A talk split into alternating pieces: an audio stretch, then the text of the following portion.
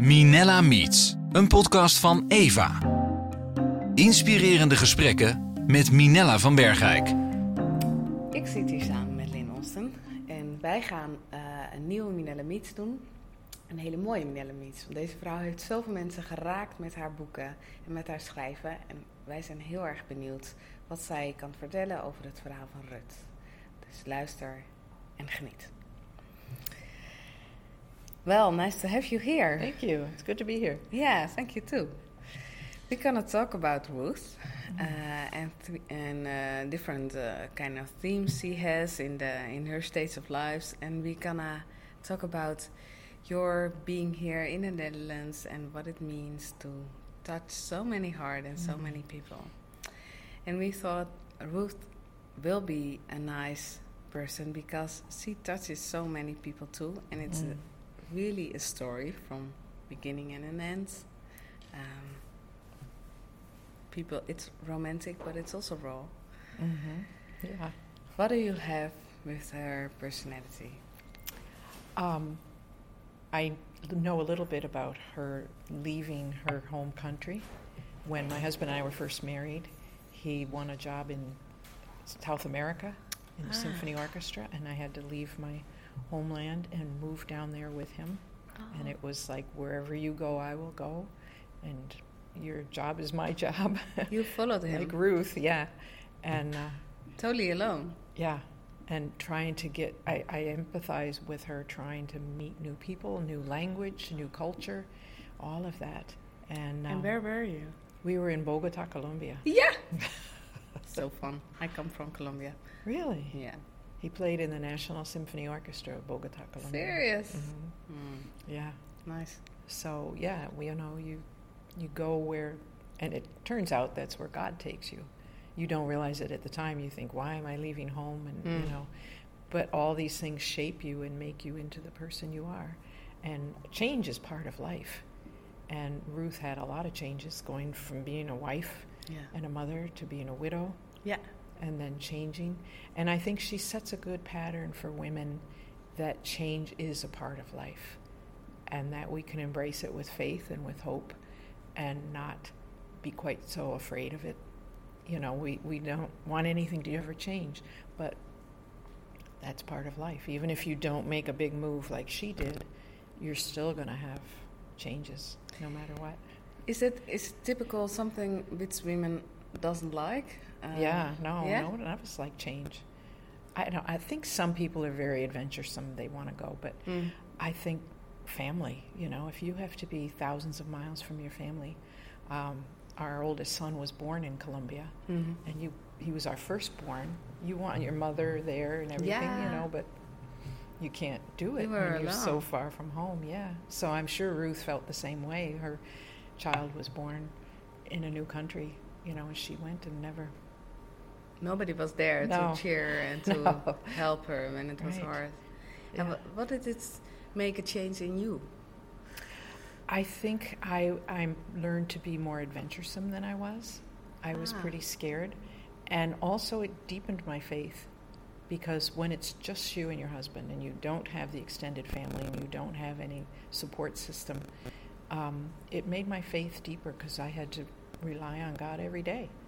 And uh, you know, I mean, it's a different country, and at the time they were still trying to clean up the drugs and all of that stuff. I mean, it's a beautiful country, but uh, it's still a foreign country. Yeah, it is a foreign country and, And- a whole different culture. Yeah, whole different culture. And so it, it did draw me closer to God when I was there because, you know, you have to rely on, on God. And also, made it you um, aware more of yourself, who you was? hmm I think so, definitely. I realized I had strengths that I didn't know I had. Ah, And uh, because, you know, it's easy to rely on your past and who you were. And uh, yeah, like just to just to make that move and how do you get an apartment and how do you you know find food and everything all else in another things. language and yeah in another culture it's it yeah it shapes you hmm deep and deep. and I think it strengthened our marriage because you know it's so easy when you have problems you run home to mama or Yeah.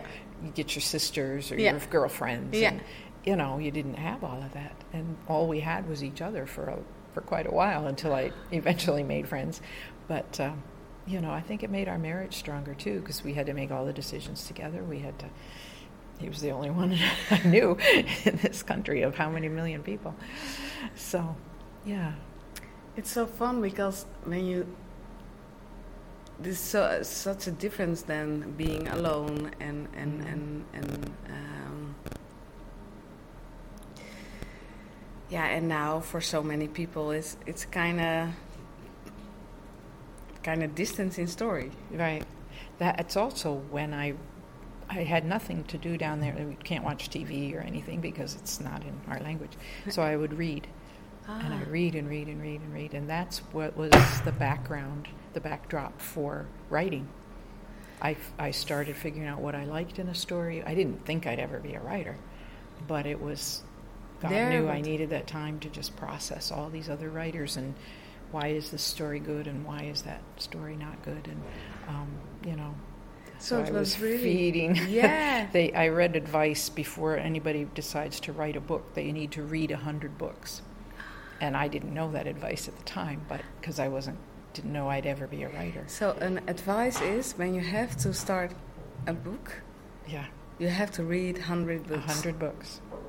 And yeah. you did especially in I that did. period. Yeah. That was when I did. Wow. And what came out of it? Uh, did you like uh, making stories for people, or did you like? Did you tell a lot of stories to your children?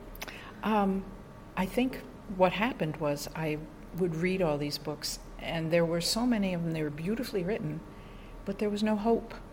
Ah, In the end, it was just like, well, they went through the war, and, you know, nothing, hap- nothing changed. And I started wanting a book that would give women hope. That was the kind of book I wanted to read. and you did you search it?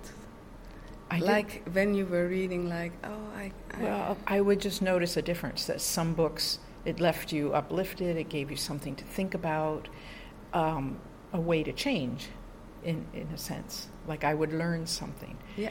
And um, one book that I read in particular, I was wrestling with God about unanswered prayer. Mm-hmm. And in, it was a novel. And in the course of the book, it gave me an idea of why God sometimes doesn't answer prayer. And um, so it was like, I thought books can do that. Books can help you figure out what's going on in your heart and in your mind. And I thought, that's the kind of book I want to read. Well, then I thought, I'm just going to try it. And I sat down one day when my kids were taking a nap. And we lived in Canada. My husband moved us to Canada after South America. Again, starting all over, new culture, new New silence. but at least they spoke English. And, and uh, yeah, and the long winters and the isolation.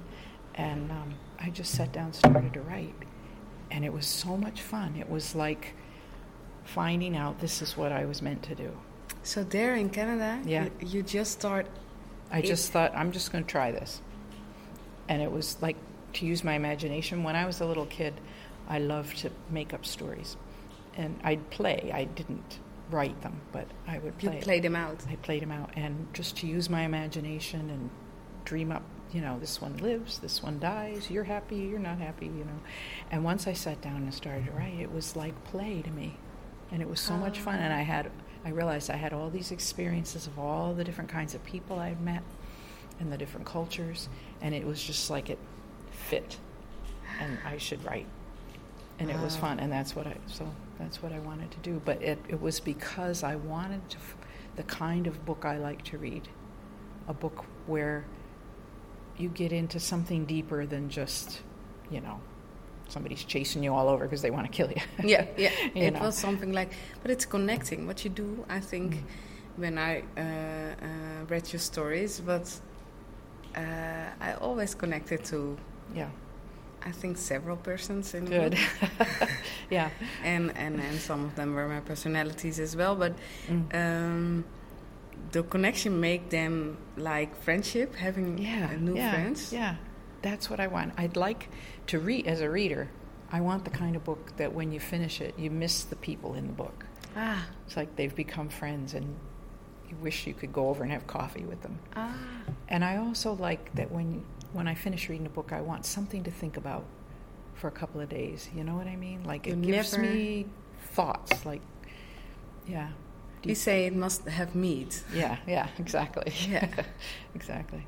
kind of flavor, and because you wanna, is it like uh, hoping to realize change or realize? Yeah. Uh, But when I write a book, I don't think about what what the meat is going to be. I just start with a story, ah, yeah. and I don't have it figured out. I make it up as I go along. Can you tell me uh, just purely facts? How do you start, and how do you? I s- usually start with a like a big idea, like um, the one I might write about the Netherlands would be during the war, an ordinary Really people, interesting. She's gonna write a book about the Netherlands. ordinary people who think this is my life is, and then all of a sudden this tremendous change when the country gets invaded. And how do you handle change? Like I said, no, most people don't like change. Hmm. And now all of a sudden you've got the enemies here and you're conquered and your whole life is turned upside down. So how do you adapt to change if you're ordinary people? And then things got so hard.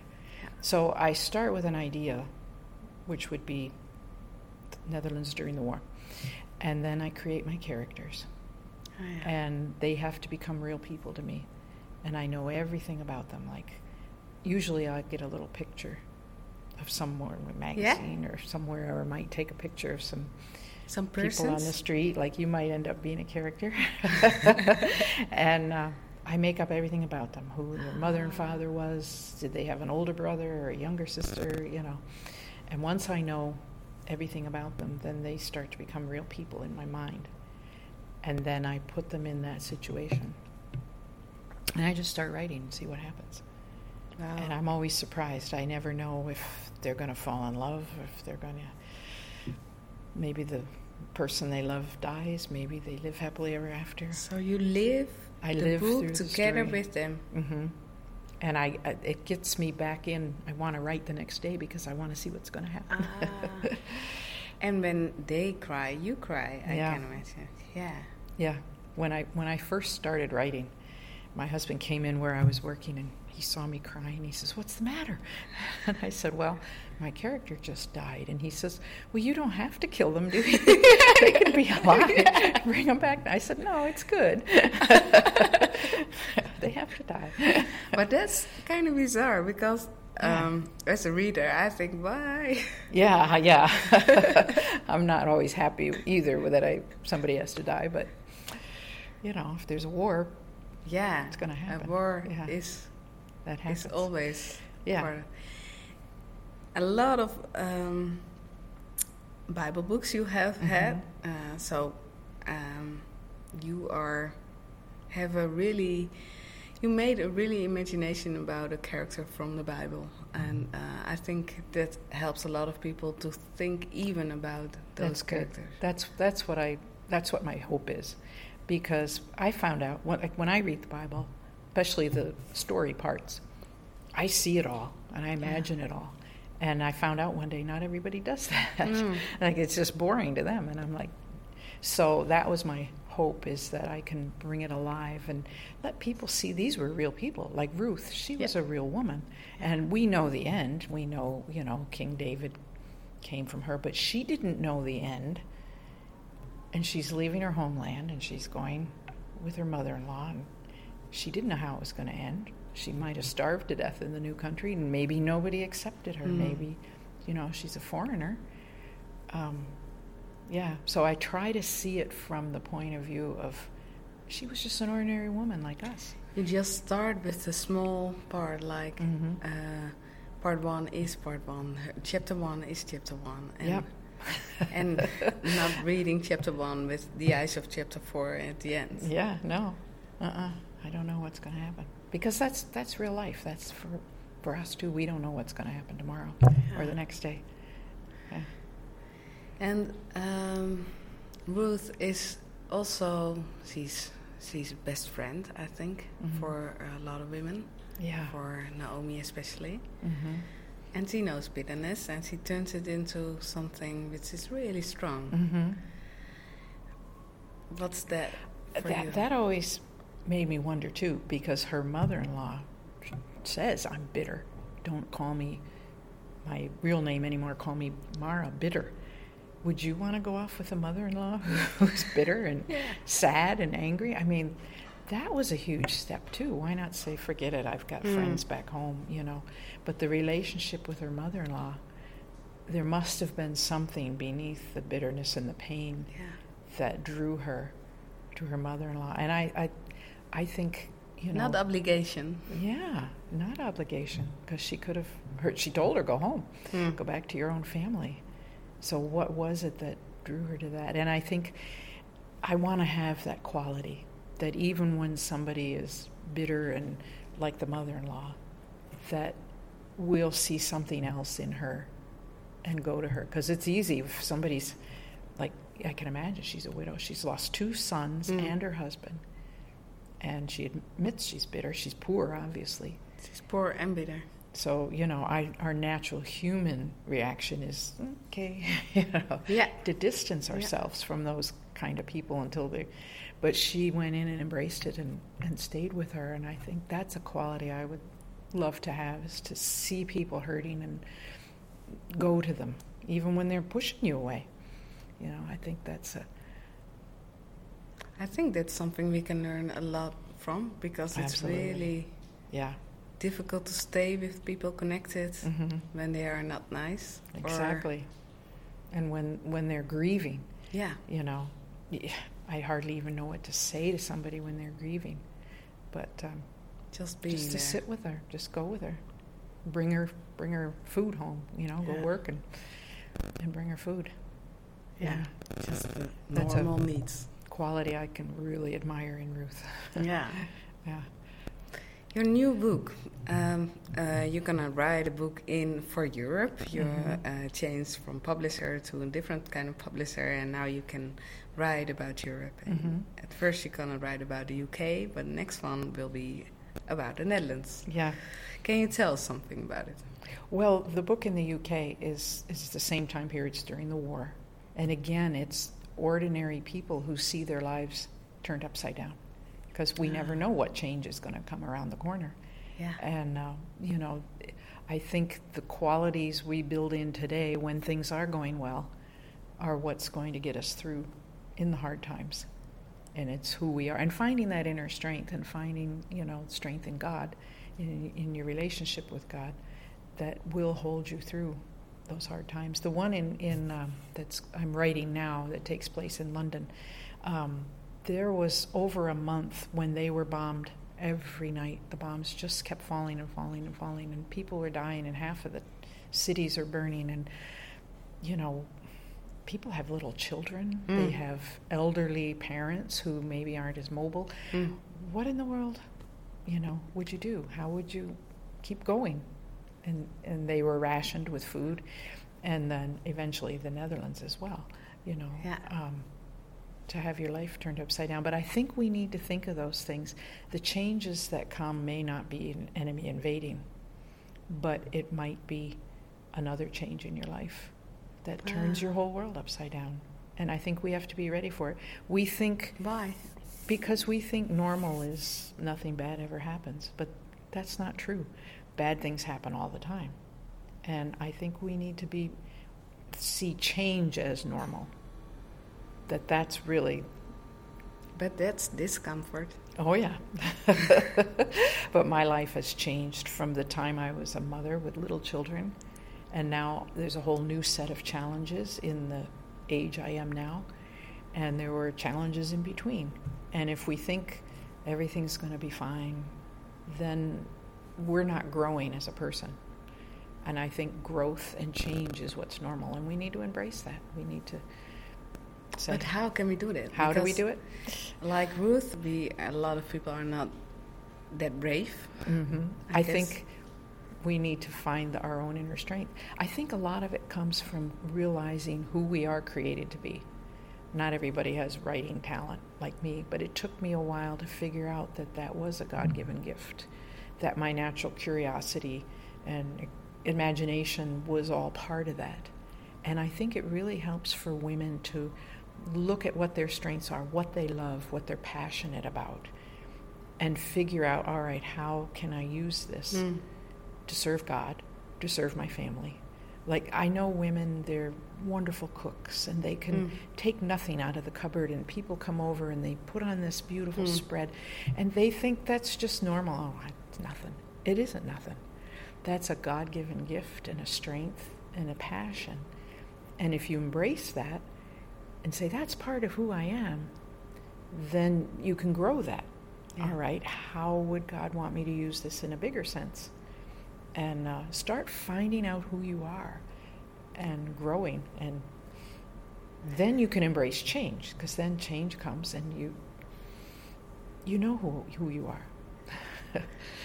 That's real powerful. It's so fun because when I look at you, I see you are like I just called you uh, uh, uh, a UK and uh, an English lady, um, introvert, I Mhm. think, Yeah. because otherwise you cannot make up that stories in your yeah, head. right. And though uh, at the same time really powerful in your what you say has a kind of power in your voice and though it's not really hard it's power That's part of my passion is to inspire women to find their God-given gifts, embrace them. how did you find it Like I say, reading a hundred books, and but but but that's not in in strength that's that's reading gifts actually, the inner strength came from the trials and the problems. Like living in a foreign country, I found out I had strength I didn't know I had. That I was able to do that because I didn't want to leave my family and, and go there. But and also problems that come along the way, and things. uh, Um, one of one of my trials was I wasn't able to have children for a long time, and praying about that and wanting that and struggling. And I'd see other women with babies. I'd go to baby showers, and everybody's having babies, and I'm not having babies. And it, Real baby. you know, you you. It sounds trivial, but you really wrestle with that.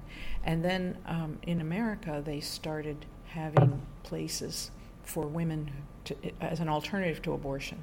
Mm. If you don't want to have an abortion, we'll come alongside you, and it's like a center. And I got involved in that, and I realized how strong I was because here I could help organize this whole shelter and help other women who were having a crisis pregnancy. So if I had never struggled through the bad times, I, it, it gave me a passion for, for women in crisis, women, you know, having, for whatever reason, having their life turned upside down. and if i never have struggled in you gonna say a sentence Yeah. If you never, if I had had never struggled, I wouldn't have realized the strength that I had. But it's it can either make or break us. Some people there's a crisis in their life and it falls all they fall all apart. Or you can say, I'm going to embrace this change. Can't do anything about it anyway, Mm. so I'm going to embrace this change and and um, be stronger. And I think faith helped me enormously. I mean, it, it always pulled me into prayer and then realizing that God was there with me. And uh, yeah, it made a huge difference in my life. You're a Ruth to yourself well, I feel like I've been enough. I haven't gone out and gathered food in the garden yet, but but the change is there yeah. Yeah. But I mean, it, it was a huge change, and it, it was interesting how God led her to a godly man. Yeah. You know, I mean, He protected her from. Here she's young, she's a foreigner. There was a lot of men who could have taken advantage of her, and she would have been helpless. But God led her to. So even though it was a huge change in her life, she could look back and say, "Oh, okay, I see Mm. that now." And that's the thing too is we don't see it until we can turn around and look back. At Mm. the time we're going through these terrible struggles, we think we're never going to survive. Mm. But then, you know, you get a little distance away from it and you realize, oh, God was at work then, and He made me stronger. because it's bizarre that you uh, without children Mm. were able to work on a place where Yeah. Yeah. children were left over. Yeah, right. Yeah. But it was kind of choice. At first, you had to make the choice in yourself. hmm hmm Because I thought there, I met other women like me who wanted children, and here's women where having a baby is a crisis in their life. Yeah. And I thought, oh, if they could just see the, how many women want that baby, you know, they'd realize the value and they wouldn't, would they'd make a different choice. And the moms were there as well. hmm And what happened? Well, a lot of the women, they'd give it up for adoption, or we'd come alongside them with support that they needed, and then they were able to keep the baby because they had the support Wow. network. Yeah, It was really powerful. yeah, it was very powerful. But that's something without the crisis in my life, I never would have gotten involved in. Hmm. In this book you write, there uh, many books have a background of war Mm. in itself, like the war, uh, and now again Yeah, in the UK and the Netherlands, war. War is like crisis, I think. yeah, I think so. It, it's where everything changes. Yeah, and and I always kind of wondered if myself, I myself, if my nation was suddenly attacked or whatever, Hmm. how I would react. Yeah. You know, you want to think you'd be strong, but you don't know. yeah. What is the smell of war? Wow, I imagine blood and um, gunpowder and despair. Ah, yeah. Despair. Yeah. Despair. There, one of the books I wrote takes place during the conflict when America was divided, Yeah. north against North south. and south. And I was writing from the point of view of the girl who lived in the south, and her country was being invaded by the north. And right, I had just started the book. I was maybe a quarter of the way through, and that was when 9/11 happened Oh, serious. and the twin trade towers. And I'm from New York State originally, so my whole family's there, just outside of New York City. And, you know, everything was up in the air. And I thought, who's going to read fiction? You know, I mean, the world is such a. I, I couldn't write. There was a few weeks when I just thought this is just too trivial. And then my daughter, who was young, she was maybe 15 or 16, she sat down with me and she said, are we am i ever going to be able to grow up and get Oh. married like is the world coming to an end am i going to be able to have children and all of her thoughts and her fears i started thinking in my mind that's the way my character felt yeah, I understand. and i thought so there is value in writing that fiction because there's people that feel this way maybe it wasn't in that time period but they feel this way and they it's again the same thing, Mhm. like um, um, connecting to a person. right Yeah, I imagine.